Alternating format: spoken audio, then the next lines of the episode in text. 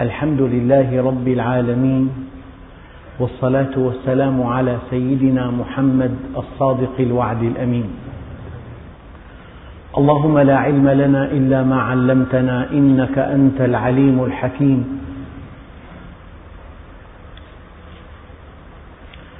اللهم علمنا ما ينفعنا وانفعنا بما علمتنا وزدنا علما. وأرنا الحق حقا وارزقنا اتباعه. وأرنا الباطل باطلا وارزقنا اجتنابه. واجعلنا ممن يستمعون القول فيتبعون أحسنه وأدخلنا برحمتك في عبادك الصالحين. أيها الإخوة المؤمنون مع الدرس الثامن والأربعين من دروس سورة البقرة ومع الآية الثانية والأربعين بعد المئة وهي قوله تعالى سيقول السفهاء من الناس ما ولاهم عن قبلتهم التي كانوا عليها قل لله المشرق والمغرب يهدي من يشاء إلى صراط مستقيم. أيها الإخوة الكرام في هذه الآية نقاط كثيرة. من أبرز هذه النقاط أن الله سبحانه وتعالى حينما كلف الإنسان حمل الأمانة جعله مخيرا ولكل وجهة هو موليها. فاستبقوا الخيرات. من شاء فليؤمن ومن شاء فليكفر. سيقول الذين أشركوا لو شاء الله ما أشركنا ولا آباؤنا ولا حرمنا من شيء. هذه الآيات كلها تؤكد أن الإنسان مخير.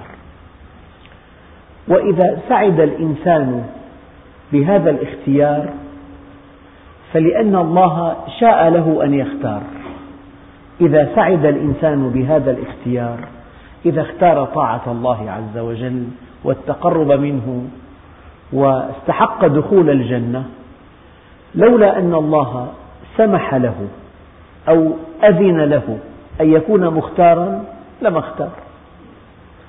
وهذا معنى قوله تعالى وما تشاءون إلا أن يشاء الله. لولا أن الله شاء لكم أن تكونوا أصحاب مشيئة حرة لما شئتم. إذا الإنسان لأنه حمل الأمانة وكلف طاعة الله عز وجل من أجل أن يثمن عمله كان مخيرا. ولكن الله طليق الإرادة. أي شيء يعطيك إياه في أية لحظة يأخذه منك.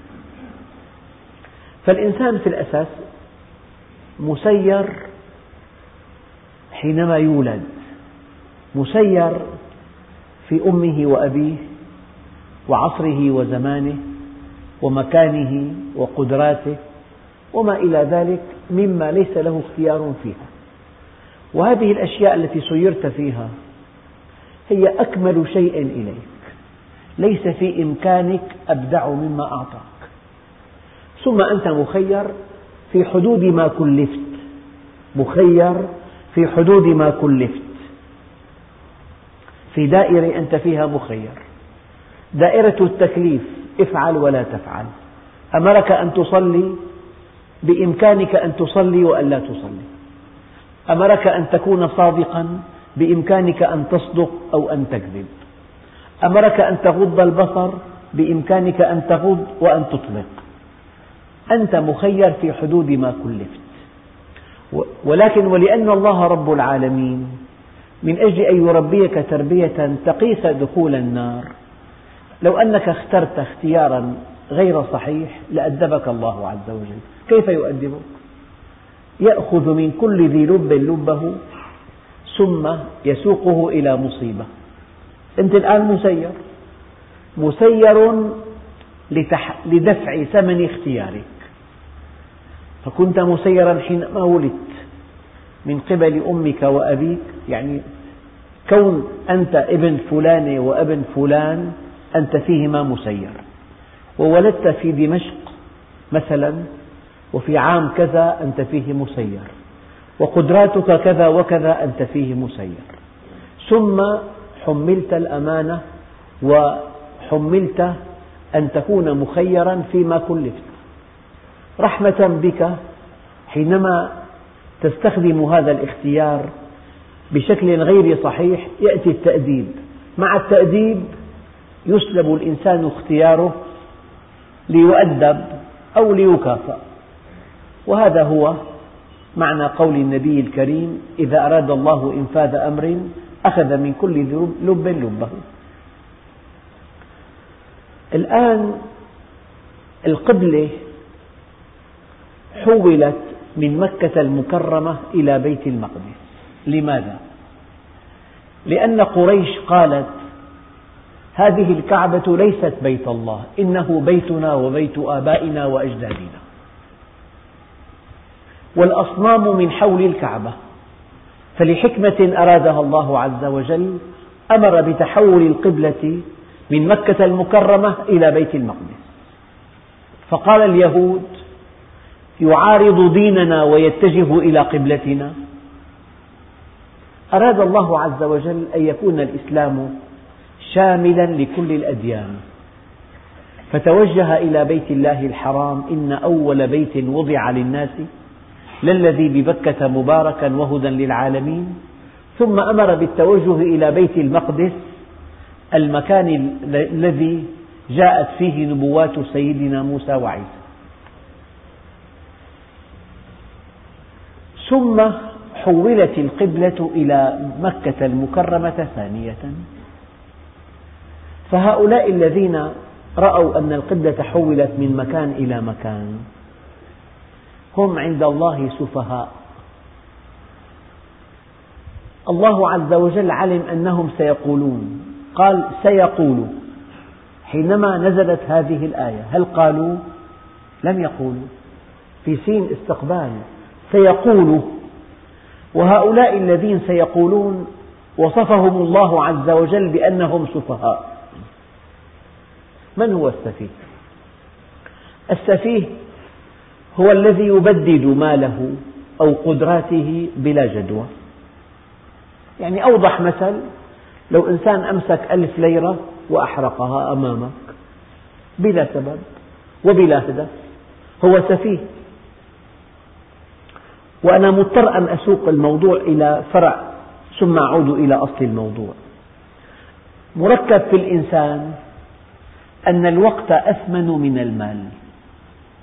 بدليل أن الذي لا سمح الله ولا قدر يصاب بمرض عضال وهناك عملية جراحية في بلد بعيد ربما أمدت في عمره بحسب قول الأطباء سنوات معدودات.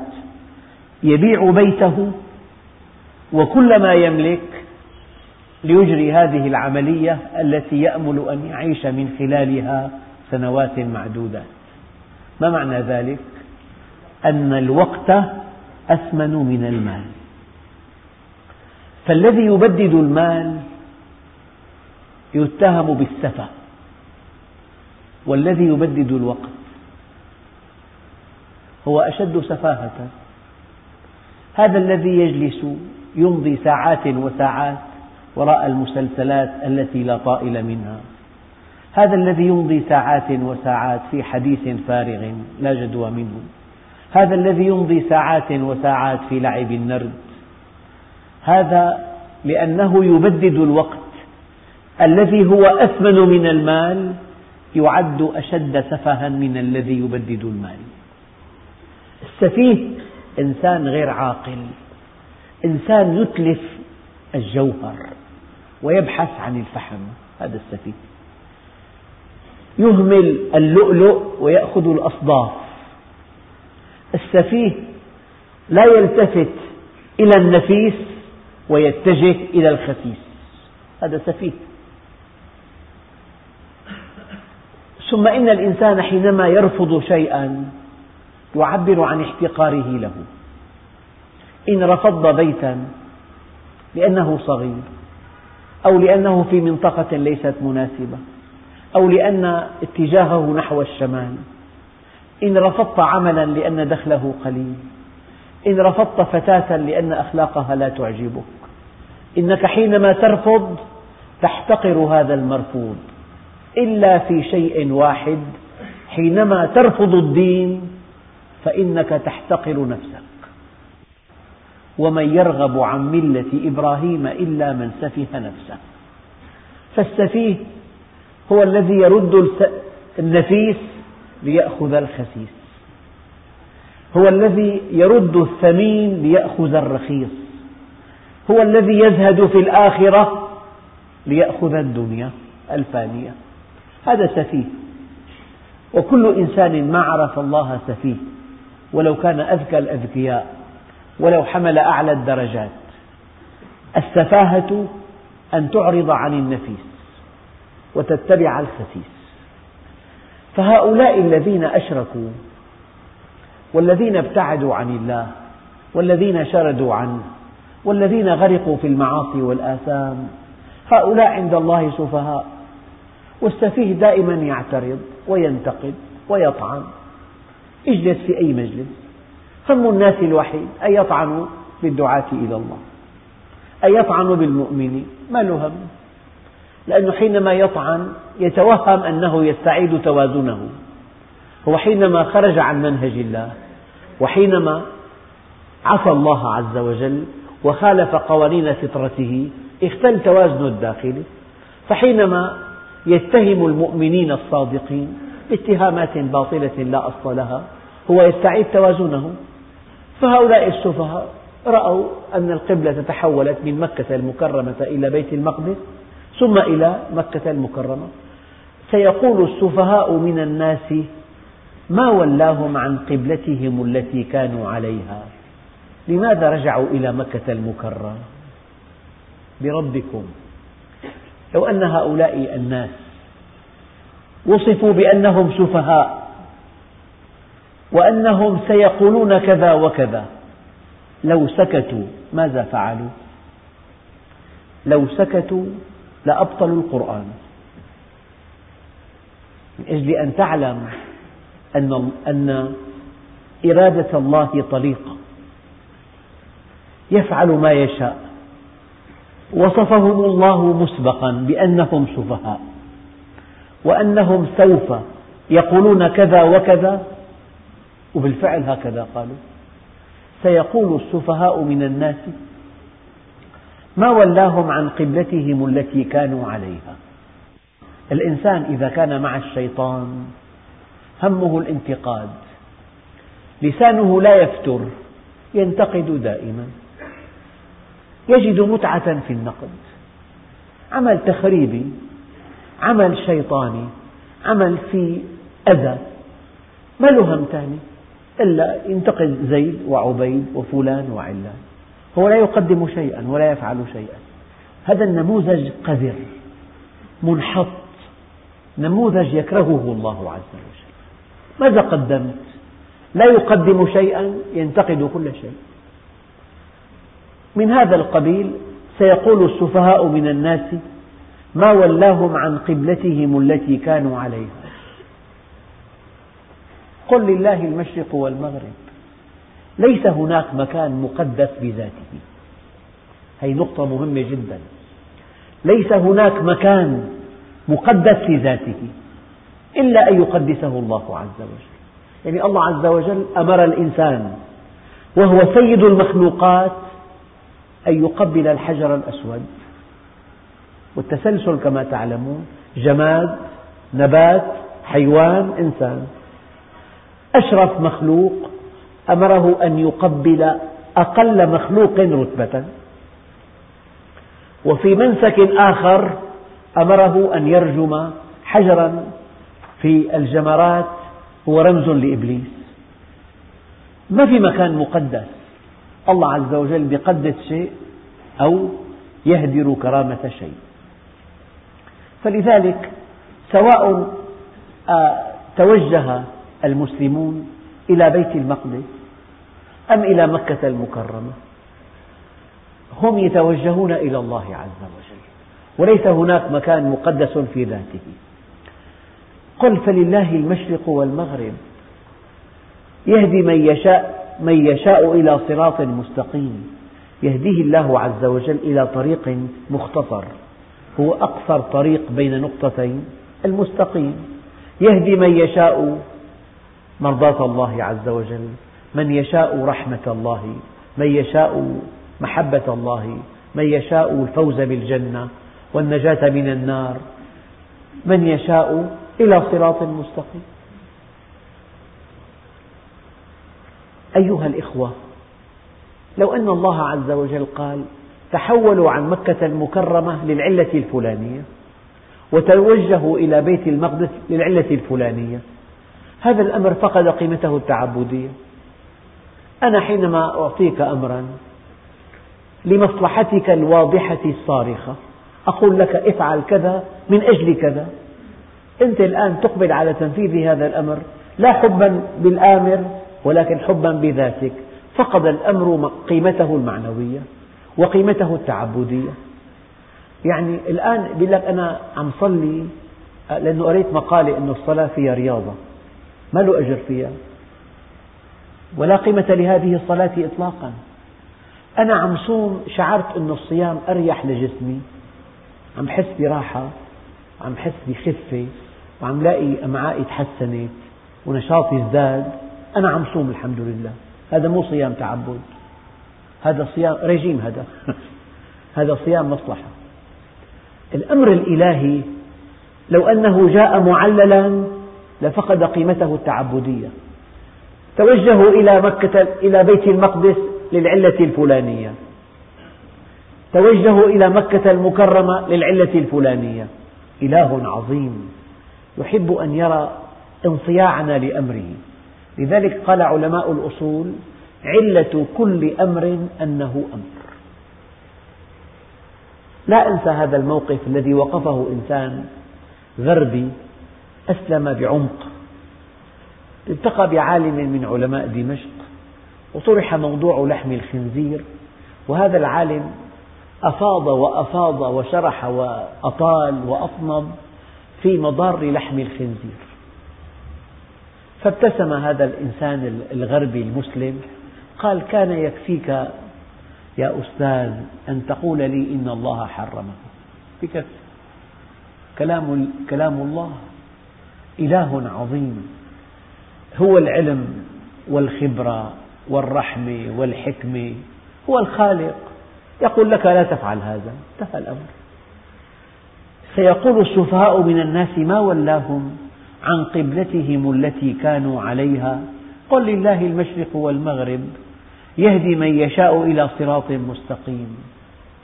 الأمكنة ليست لها قداسة بذاتها. إلا أن يأمرك الله أن تشد الرحال إليها النبي عليه الصلاة والسلام وهو لا ينطق عن الهوى. إن هو إلا وحي يوحى. أمرنا أن نشد الرحال إلى مكة المكرمة وإلى بيت المقدس وإلى المدينة المنورة. لا تشد الرحال إلا إلى ثلاثة مساجد. بيت الله الحرام ومسجد هذا والمسجد الأقصى. ونرجو الله سبحانه وتعالى أن يتاح لنا في القريب العاجل أن نزور بيت, بيت المسجد الأقصى. لذلك ما في مكان مقدس في ذاته. الله عز وجل أمرنا أن نشد الرحال إليه. فالتقديس هو لأمر الله. أمر الله هو المقدس. فالله عز وجل قال دعوا مكة لأن قريش يقولون إنها بيتنا وليست بيت الله. إنه بيتنا وبيت آبائنا وأجدادنا. وفيها الأصنام ما, ما لا يحصى. لذلك الله عز وجل قال دعوا مكة المكرمة واتجهوا إلى بيت المقدس. ولعل في هذا الاتجاه الجديد حكمة بالغة. ذلك أن الإسلام هو خاتم الأديان أو خاتم الشرائع إن صح التعبير. وأن هذا الدين يستوعب كل الشرائع السابقة. يستوعبها. فلذلك نحن نقدس بيت الله الحرام ونقدس بيت المقدس. هو مهبط الرسالات السماوية ومسرى نبينا عليه الصلاة والسلام. لكن هذه الآية فيها إعجاز. يعني الله عز وجل طليق الإرادة وفي أية لحظة يسلب ما أعطاك إياه. ولو فكر هؤلاء الناس السفهاء لحظة وصفوا بأنهم سفهاء وسوف يقولون هكذا وكذا. لو سكتوا لأبطلوا القرآن لكنهم لا يستطيعون. وكذلك جعلناكم أمة وسطا يخاطب الله الأمة العربية وكذلك جعلناكم أمة وسطا هذا الموضوع يحتاج إلى بعض التفصيل. أمة وسطا يعني وسطاء بين الله وخلقه. وسطاء بين الله عز وجل وبين خلقه. وهذا تكريم عظيم. ولتكن منكم أمة يدعون إلى الخير. ويأمرون بالمعروف وينهون عن المنكر. وأولئك هم المفلحون. كنتم خير أمة من أدق معاني كلمة كنتم في هذه الآية أن كنتم في هذه الآية تعني أصبحتم. حينما جاءتكم هذه الرسالة على رسول منكم من هذه الأمة العربية كنتم خير أمة أخرجت للناس.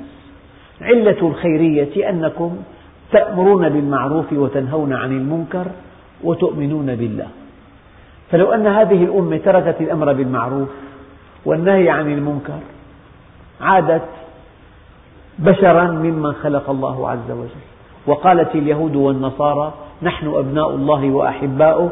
قل فلم يعذبكم بذنوبكم؟ بل أنتم بشر ممن خلق.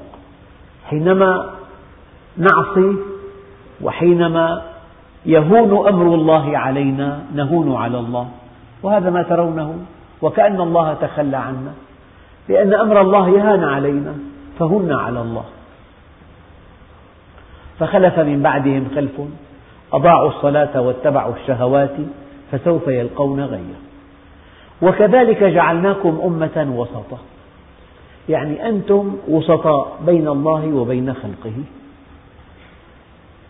كما أرسلنا فيكم رسولا شاهدا عليك يتلو عليكم آياتنا ويزكيكم ويعلمكم الكتاب والحكمة ويعلمكم ما لم تكونوا تعلمون فاذكروني أذكركم. كما أرسلنا فيكم رسولا يتلو عليكم آياتنا ويزكيكم ويعلمكم الكتاب والحكمة فاذكروني أنتم وسطاء يعني كما هديتكم كونوا هداة للخلق. وهذا أشرف مرتبة تنالها الأمة العربية أن الله سبحانه وتعالى أنزل كتابه بلسان عربي مبين وجعل هذه الأمة وسطا أو وسطاء بين الله وبين خلقه. لذلك سيدنا سلمان الفارسي قال له النبي عليه الصلاة والسلام يا سلمان يا سلمان لا تبغضني فتفارق دينك. قال يا رسول الله كيف أبغضك وبك هدانا الله؟ قال تبغض العرب فتبغضني. الإنسان لا يسترسل في تعداد مثالب هذه الأمة.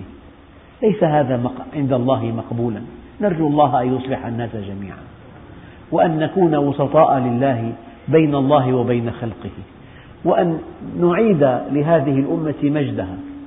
لأن النبي عليه الصلاة والسلام جاء إلى أمة في الجاهلية. كانت تأكل الميتة وتعبد الأصنام.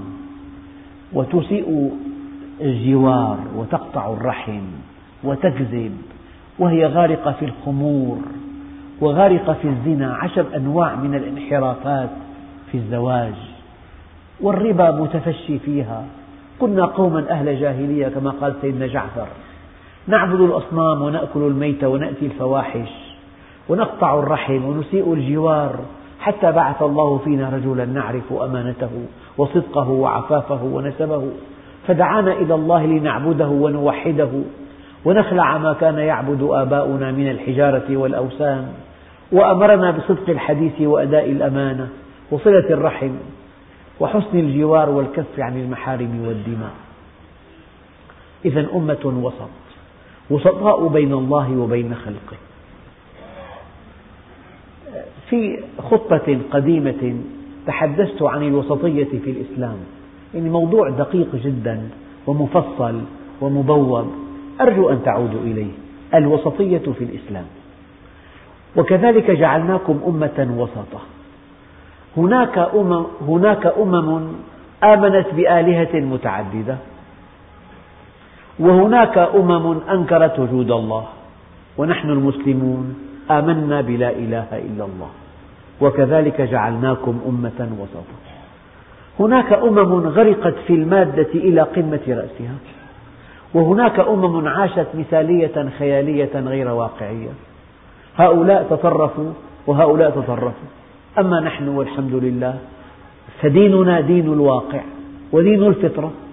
بل إن, إن ديننا يأمرنا أن نعيش الواقع بقيم مثالية. قال عليه الصلاة والسلام أنا أشدكم خشية لله أنا أنام وأقوم. أصوم وأفطر. أتزوج النساء.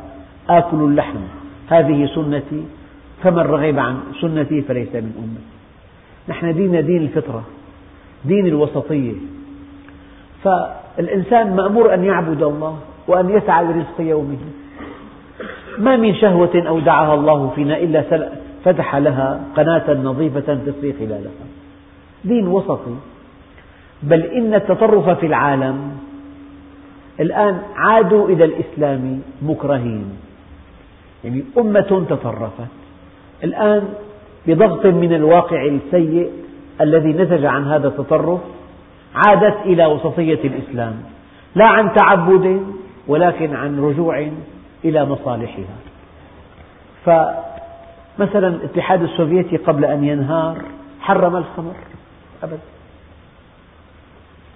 كثير من القوانين الآن تصدر في بعض الجامعات في أمريكا منعت الاختلاط أنه عدد اللقطاء لا, لا حدود له في الحدائق. فحرمت الاختلاط. سمعت في بعض البلاد بأوروبا حرمت الخمر. بالسويد الخمر محرمة لا يستطيع الإنسان يشرب الخمر هناك إطلاقا إلا أن يذهب إلى الدنمارك.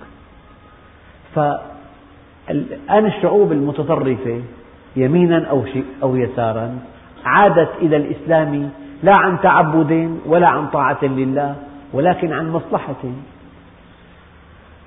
فديننا دين وسطي بين تعدد الآلهة وبين إنكار الآلهة.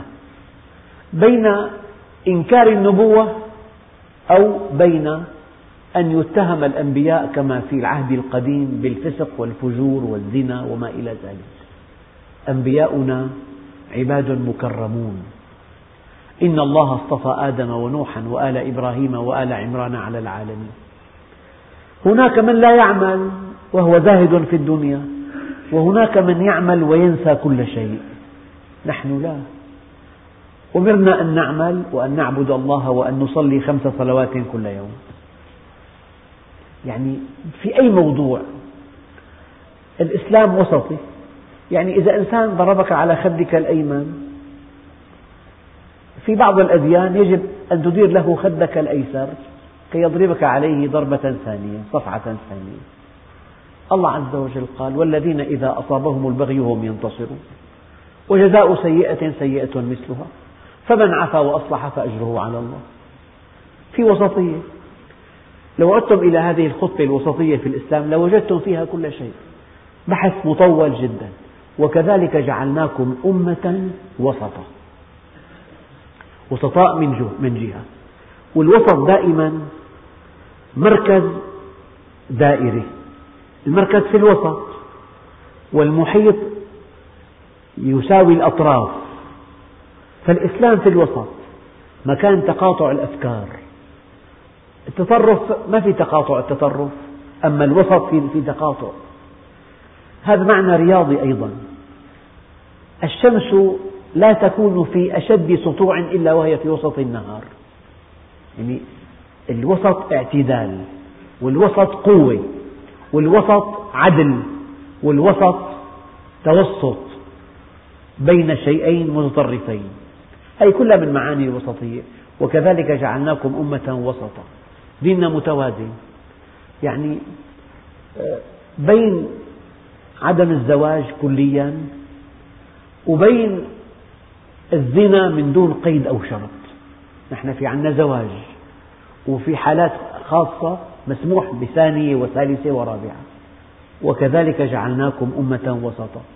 ترك العمل تطرف والانغماس في العمل تطرف. وكذلك جعلناكم أمة وسطا. رجال لا تلهيهم تجارة ولا بيع عن ذكر الله وإقام الصلاة. لتكونوا شهداء على الناس تشهدوا لهم الحق ويكون الرسول عليكم شهيدا. الله عز وجل أرسل هذا النبي الكريم الذي هو سيد الأنبياء والمرسلين لهذه الأمة المباركة وكلف هذه الأمة كما أن النبي شهد لها بالحق أن تشهد للناس بالحق. الذي يرى ويتكلم كلامه بليغ جدا. أما الذي سمع إذا واحد ما ذهب إلى بيروت أبدا مثلا؟ وقلنا صف لنا بيروت لك والله قريت عنها أنه على الساحل. قرأت عنها أنها محاطة بجبال خضراء. ما أدري مبلغ هذا الكلام من الصحة.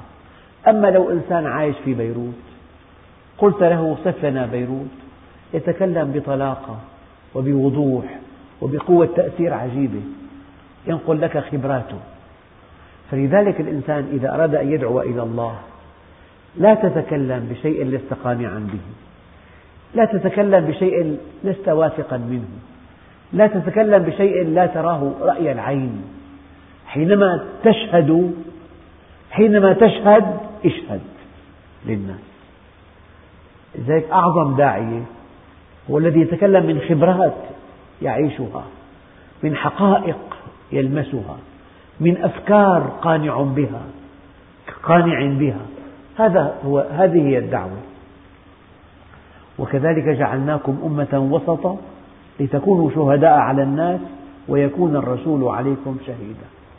فهذه الأمة العربية التي شرفها الله وكرمها ونقلها من رعاة الغنم إلى قادة الأمم وأمرها أن تكون وسطا بين الله وبين خلقه.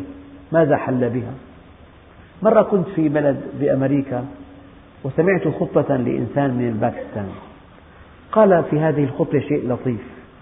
قال أنتم يخاطب المصلين وأكثرهم من الأمة العربية. في جالية عربية كبيرة جدا في مدينة هنا. قال أنتم سادتنا نحن بكم هدانا الله عز وجل. لولاكم لكنا عبادا للأصنام عبادا للنيران. ذكر من فضل هذه الأمة على بقية الشعوب ما ما يشعر ما يشعر الإنسان بأن هذه الأمة من أعلى الأمم. قال ما لكم نسيتم هذه المهمة؟ ما لكم نسيتم هذا الشرف العظيم الذي منحكم الله إياه. أنتم في بلاد تبيعون الخمر. أهكذا كان آباؤكم وأجدادكم. بعد أن أثنى على هذه الأمة الثناء العاطر ذكر مثالبهم في بلاد الغرب. فيعني أنت يجب أن تفتخر تنتمي إلى أعظم أمة. إلى أمة أنزل الله قرآنه الكريم بلسانها. إنا جعلناه قرآنا عربيا. بلسان عربي مبين. تنتمي إلى أمة هي الوسيطة بين الله وبين خلقه. وسيطة ومتوسطة ومعتدلة وقوية ونيرة وعادلة. هي معاني الوسطية كلها. وكذلك جعلناكم أمة وسطا لتكونوا شهداء على الناس ويكون الرسول عليكم شهيدا. لذلك أنت حينما ترى واقع الأمة الذي قد يؤلم تتألم لماذا؟ أين كنا وأين أصبحنا؟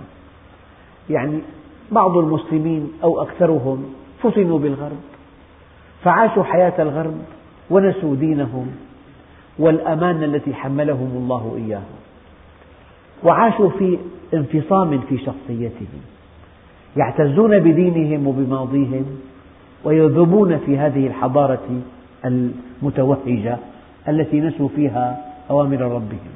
هي حالة صراع وحالة انفصام شخصية تصيب كل إنسان. لم لم يقوي إيمانه بحيث يتجاوز كل هذه العقبات والصوارف بل جعله إيمانا وسطا إيمانا ضعيفا اجتذبته هذه القوى من يمين أو من شمال. وكذلك جعلناكم أمة وسطا لتكونوا شهداء على الناس ويكون الرسول عليكم شهيدا. وما جعلنا القبلة التي كنت عليها إلا لنعلم من يتبع الرسول ممن ينقلب على عقبيه. يعني التحول للقبلة امتحان عبودية. يعني أب جالس على المائدة والطعام نفيس. وابنه جائع. ولهذا الأب يد طولى في تربية ابنه وفي إكرامه. قال له يا بني لا تأكل. فإذا كان يعرف هذا الابن قدر أبيه وحكمة أبيه ومحبة أبيه ورحمة أبيه ينصاع للأمر. ولو لم يفهم الحكمة. بطولتك أن تنصاع للأمر ولو لم تفهم الحكمة. لماذا؟ لأن الحكمة إذا توضحت تماما فقد الأمر قيمته التعبدية وأقبلت عليه طمعا بمصلحتك الشخصية. لكن الله يريدك عبدا له. لذلك من حين لآخر تأتي أوامر قد لا تفهمها أنت. إلا لنعلم من يتبع الرسول ممن ينقلب على عقبيه. وإن كانت لكبيرة إلا على الذين هدى الله. الإنسان غير المهتدي. المتعلق بالتقاليد والعادات لا يحتمل. أخي هذه الكعبة بيت الله. لماذا انصرف عنها المسلمون؟ إلى قبلة اليهود مثلا. وإن كانت لكبيرة إلا على الذين هدى الله. وما كان الله ليضيع إيمانكم. إن الله بالناس لرؤوف رحيم. يعني الله عز وجل خلقنا ليسعدنا. وخلقنا لنصل إليه وخلقنا كي نعرفه. فهل يعقل أن يكون من أفعال الله ما يبعدنا عنه؟ مستحيل. يعني أب همه الأول أن يكون ابنه متعلما. معقول يوم الامتحان يمنعه من تقديم الامتحان؟ هذا يتناقض مع هدف الأب كليا. يعني وما كان الله ليضيع إيمانكم؟ والله أيها الإخوة والله الذي لا إله إلا هو. هذه عبارة أنا أستخدمها كثيرا. زوال الكون أهون على الله. من أن تتودد إلى الله ثم يضيعك. من أن تؤثر جانب الله على مصالحك ثم يضيعك. زوال الكون أهون على الله من أن تدع شيئا لله دون أن تأخذ شيئا أثمن منه. ما ترك عبد شيئا لله إلا عوضه الله خيرا منه في دينه ودنياه. هذا كلام مستحيل. مستحيل أن تخاف من الله وأن يخيفك من أحد. مستحيل وألف مستحيل أن تقلق على مصيرك في الآخرة وأن تضيع الآخرة. وما كان الله ليضيع إيمانكم. هي وما كان الله أيها الإخوة يعني أشد أنواع النفي في القرآن. أشد أنواع النفي. يعني أنا مثلا أسأل إنسان هل سرقت هذا المبلغ؟ إذا قال لك لا وقد يكون سارق أما هذا المبلغ ما سرقه أما إذا قال لك ما كان لي أن أسرق. إذا قلت له هل أنت جائع؟ يقول لك لا. الجوع ليس عارا هل أنت جائع؟ يقول لك لا. أما إذا قلت له هل أنت سارق؟ يقول لك كلا أداة ردع ونفي. أو ما كان لي أن أسرق. يعني هذا ليس من شأني ولا من طبيعتي ولا من مكانتي ولا من رغبتي ولا أرضاه ولا أفعله ولا أفكر فيه ولا أقر عليه. تقريبا في حوالي عشر أفعال منطوية بكلمة وما كان الله وما كان الله ليضيع إيمانكم لا تخف ما دمت تطلب الحقيقة ما دمت تخطب ود الله عز وجل لن يضيعك الله عز وجل. وهناك آلاف القصص آلاف القصص التي لا تنتهي. عن إنسان آثر جانب الله فكسب الدنيا والآخرة. ولا تنسوا هذه العبارة أرددها كثيرا. من آثر آخرته على دنياه ربحهما معا. ومن آثر دنياه على آخرته خسرهما معا وما كان الله ليضيع إيمانكم. تقبل عليه تخطب وده تصطلح معه تطيعه تخدم له عباده. تخاف من من سخطه. تخاف أن تعصيه. ويعاملك مثل الناس. والله هذا يتناقض مع وجود الله. أم حسب الذين اجترحوا السيئات أن نجعلهم كالذين آمنوا وعملوا الصالحات سواء محياهم يعني حياتك كحياة الشارد عن الله مستحيل. حياتك عملك صحتك زواجك سمعتك مستقبلك مكانتك مستحيل. يعني أن يستوي هؤلاء مع هؤلاء هذا يتناقض مع وجود الله. أم حسب الذين اجترحوا السيئات أن نجعلهم كالذين آمنوا وعملوا الصالحات؟ قد يقول قائل مستحيل بالآخرة بس لا لا في الدنيا. والدليل سواء محياهم ومماتهم ساء ما يحكمون. هذه الآية وحدها أيها الإخوة والله تملأ قلبكم أمنا وطمأنينة. تملأ قلبكم ثقة بالله عز وجل. من سابع المستحيلات مستحيل وألف مستحيل أن يعامل المؤمن كالكافر. المستقيم كالمنحرف الصادق كالكاذب الأمين كالخائن المحسن كالمسيء. مستحيل. أم حسب الذين اجترحوا السيئات أن نجعلهم كالذين آمنوا وعملوا الصالحات؟ سواء محياهم ومماتهم ساء ما يحكمون.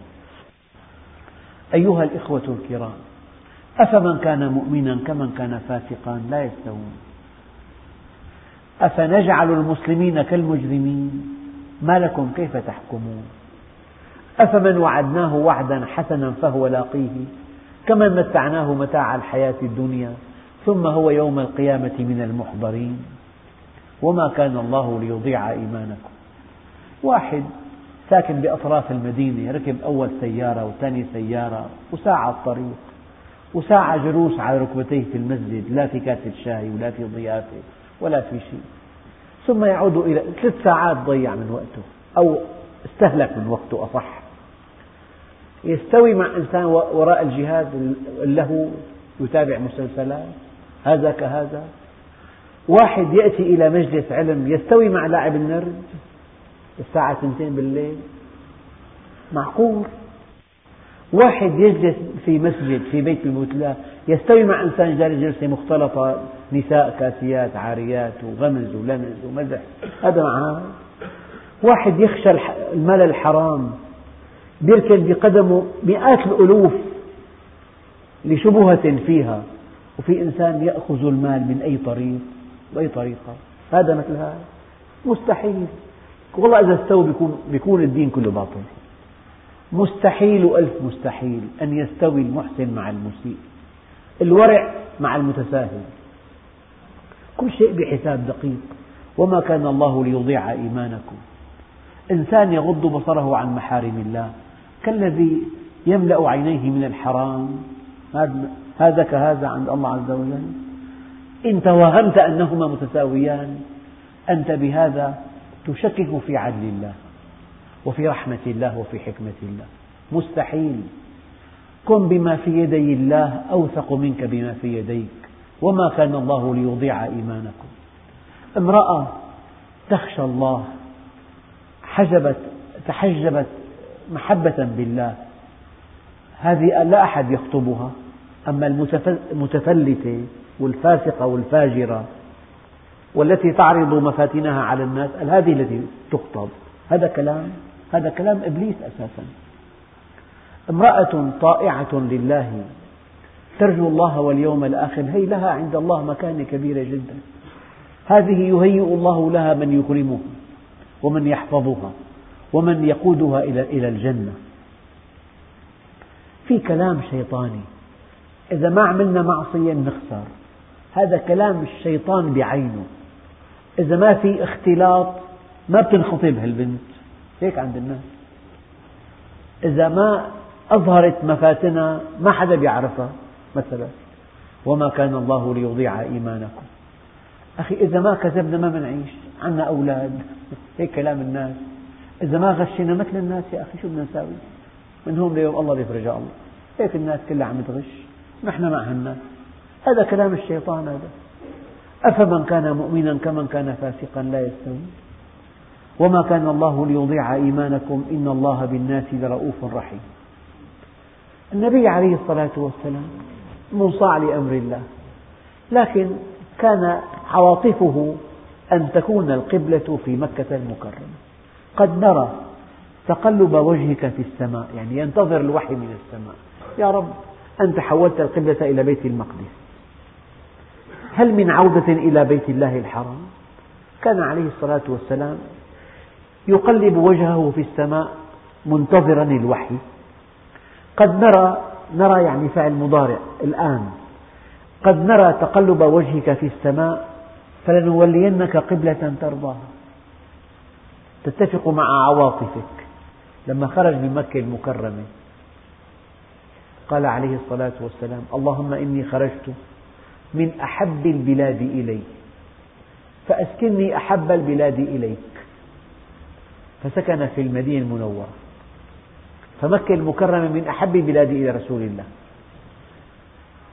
فلنولينك قبلة ترضاها فولي وجهك شطر المسجد الحرام. وحيثما كنتم فولوا وجوهكم شطرة. هذه القبلة يعني تجمع المسلمين في اتجاه واحد.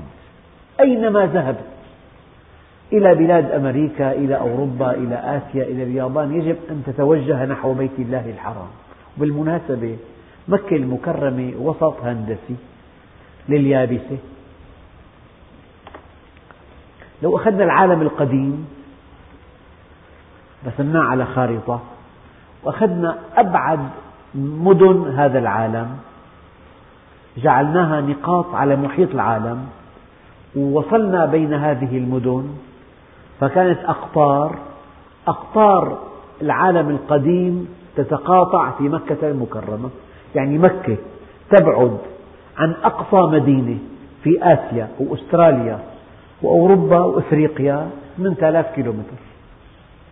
فلو ضممنا العالم الجديد أمريكا الشمالية والجنوبية فجعلناها خارطة مسطحة وأخذنا أقطار العالم الجديد مع القديم لتقاطعت هذه الأقطار في مكة المكرمة. فمكة تبعد عن أطراف العالم القديم مع الجديد ثلاثة عشر ألف كيلومتر بالضبط. هي في بحث قدم للجامعة حول أن مكة المكرمة الوسط الهندسي لليابسة أبدا. فلنولينك قبلة ترضاها فولي وجهك شطر المسجد الحرام وحيثما كنتم فولوا وجوهكم شطرة لكن ليست القبلة الكعبة بالذات جهة الكعبة. بالجهة تحل مليون مشكلة. أما لو أن القبلة هي الكعبة بالذات نحتاج كل مسجد إلى قياس دقيق جدا وقد تختل القبلة زاوية درجة أو درجتين. أما القبلة هي خط. خط مكة المكرمة فنحو الجنوب يعني. وإن الذين أوتوا الكتاب ليعلمون أنه الحق. هنا. ورد في التوراة أنه سيأتي نبي للمسلمين هو محمد بن عبد الله وسوف تتحول القبلة عن مكة المكرمة إلى بيت المقدس وتعود إلى مكة المكرمة. وإن الذين أوتوا الكتاب ليعلمون أنه الحق من ربهم وما الله بغافل عما يعملون. أيها الإخوة هؤلاء الذين أوتوا الكتاب والذين عرفوا من خلال كتابهم المقدس أن القبلة سوف تتحول إلى بيت المقدس. ومع ذلك أنكروا على النبي الكريم أن يتجه إلى قبلتهم فقالوا تعارض ديننا وتتجه إلى قبلتنا؟ ومشركو مكة المكرمة؟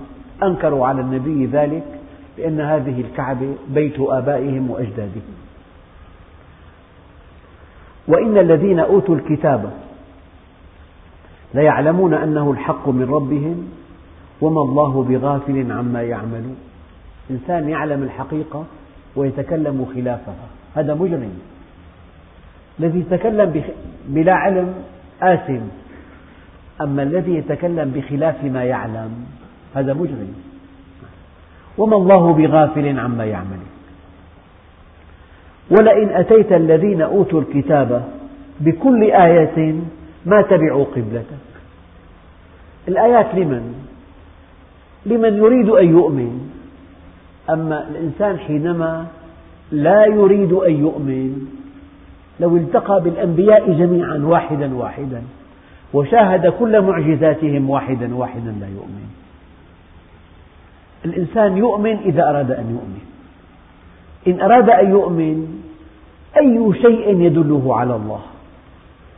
وإن رفض أن يؤمن لو جلس بأكبر قاعدة للفضاء الخارجي ورأى المجرات المئة ألف مليون مجرة بشكل مدهش لا يؤمن.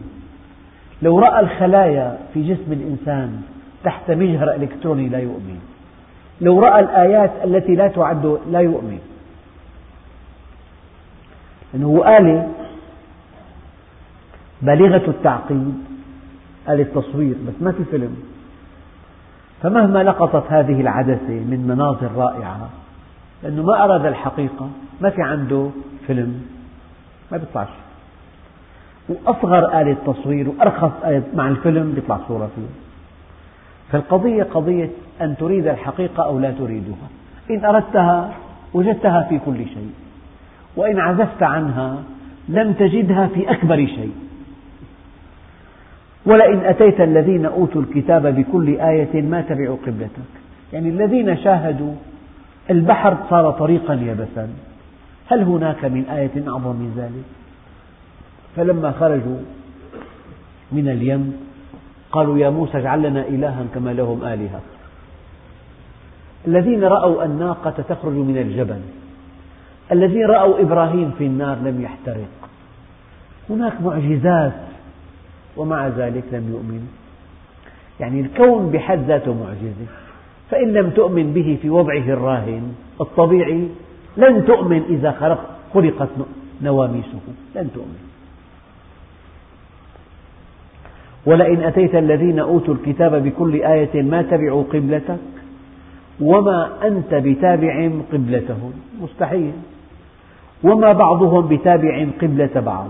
فإذا في أشياء متناقضة كيف نجمعها؟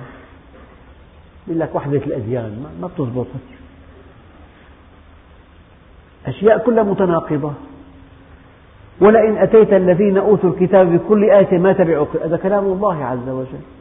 وما أنت بتابع قبلتهم وما بعضهم بتابع قبلة بعض ولئن اتبعت أهواءهم من بعد ما جاءك من العلم إنك إذا لمن الظالمين. طبعا مستحيل أن يتبع النبي أهواءهم ولكن هذه الآية لأمته من بعده. يعني يا أمة محمد ولئن اتبعت أهواءهم هوى الكافر أن تكون على شاكلته هوى الكافر أن تكسب المال الحرام. هوى الكافر أن تكون المرأة متعة للجميع. هوى الكافر أن تعيش الدنيا فقط. هوى الكافر أن تتكتل تكتلات مصلحية مو على حق. ولئن اتبعت أهواءهم من بعد ما جاءك من العلم إنك إذا لمن الظالمين. يعني يا أمة محمد إياكم أن تتبعوا أهواء الكفار. لا يقودوكم إلا إلى الشر. إلا إلى الضياع إلا إلى التفتت إلا إلى التشرذم إلا إلى الفقر. ولئن اتبعت أهواءهم من بعد ما جاءك من العلم إنك إذا لمن الظالمين. الذين آتيناهم الكتاب يعرفونه كما يعرفون أبناءهم. بعض علماء التفسير قال يعرفون النبي كما يعرفون أبناءهم وبعض علماء التفسير قالوا يعرفون تحول القبلة كما يعرفون أبناءهم ومع ذلك أنكروا. وإن فريقا منهم ليكتمون الحق وهم يعلمون. كتم الحق جريمة. يكتمون الحق وهم يعلمون. الحق من ربك فلا تكونن من الممترين من المتشككين. والحمد لله رب العالمين.